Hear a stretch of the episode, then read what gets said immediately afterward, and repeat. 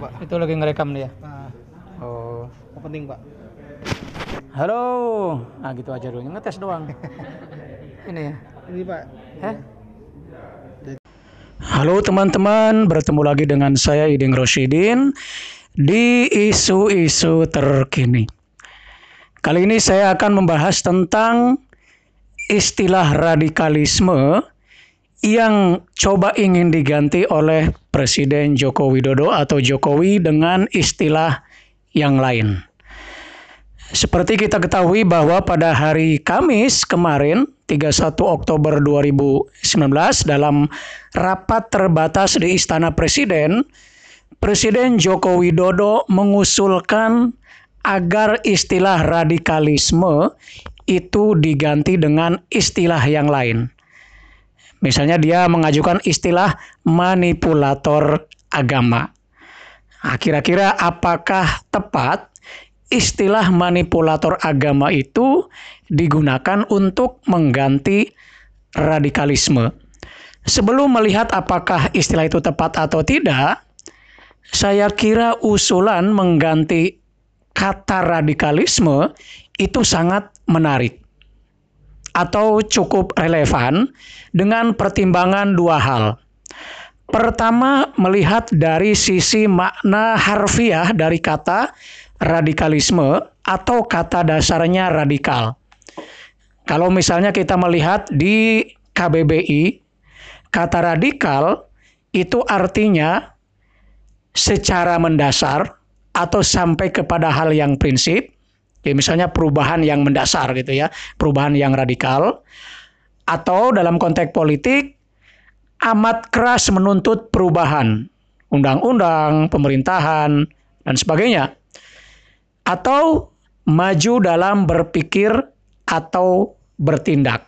Nah, itu makna harfiah eh, radikal ya. Dalam bahasa Inggris kata radikal itu diartikan juga sebagai sampai ke akar-akarnya. Jadi kata redik itu artinya sampai ke akar-akarnya. Artinya sama saja dengan bahasa Indonesia secara mendasar sampai kepada hal yang prinsip. Jadi kalau orang mempelajari sesuatu sampai ke akar-akarnya, itulah radikal. Nah, misalnya orang belajar filsafat. Kalau mempelajari filsafat itu kan biasanya sampai mendalam, sampai ke akar-akarnya. Melihat sesuatu itu sampai kepada hakikatnya. Itulah makna radikal. Ya, secara umum radikal seperti itu. Tapi kemudian kata radikalisme itu muncul dan itu kerap kali dikaitkan dalam konteks politik. Ya, misalnya mari kita lihat di kamus eh, KBBI tadi itu ya, radikalisme itu diartikan paham atau aliran yang radikal dalam politik atau paham atau aliran yang menginginkan perubahan atau pembaharuan sosial dan politik dengan cara kekerasan atau drastis. Tiga, sikap ekstrim di aliran politik. Nah, ini makna secara eh, terminologis dari kata radikalisme. Itu dari sisi eh, maknanya ya. Memang dalam prakteknya kata radikalisme ini ya ditambah dengan kata tadi itu cara kekerasan ya atau ekstrim. Nah, itu yang pertama. Pertimbangan yang kedua, kata radikalisme menurut saya sekarang ini sudah lebih kepada bentuk kalau dalam istilah propaganda itu name calling, penjulukan dengan label yang buruk. Jadi kata radikalisme itu kerap digunakan untuk memberi label pada sekelompok orang atau penganut agama ya yang melakukan kekerasan atau tindakan-tindakan ekstrim, anarkis dan seterusnya. Akibatnya sering kali istilah ini bisa digeneralisasikan kepada keseluruhan umat. Meski misalnya eh, di di apa namanya dibantah bahwa itu hanya ditujukan kepada kelompok tertentu, tapi sering kali prakteknya sulit dihindari. Itulah misalnya eh, Profesor Din Sapsudin mengatakan istilah radikalisme itu menyakiti hati umat. Meski kemudian dibantah juga oleh Prof. Mahfud MD misalnya bahwa radikalisme tidak identik dengan agama tertentu dalam konteks ini Islam, tapi kepada orang-orang yang berpaham radikal gitu. Memang ada kelompok yang berpaham radikal.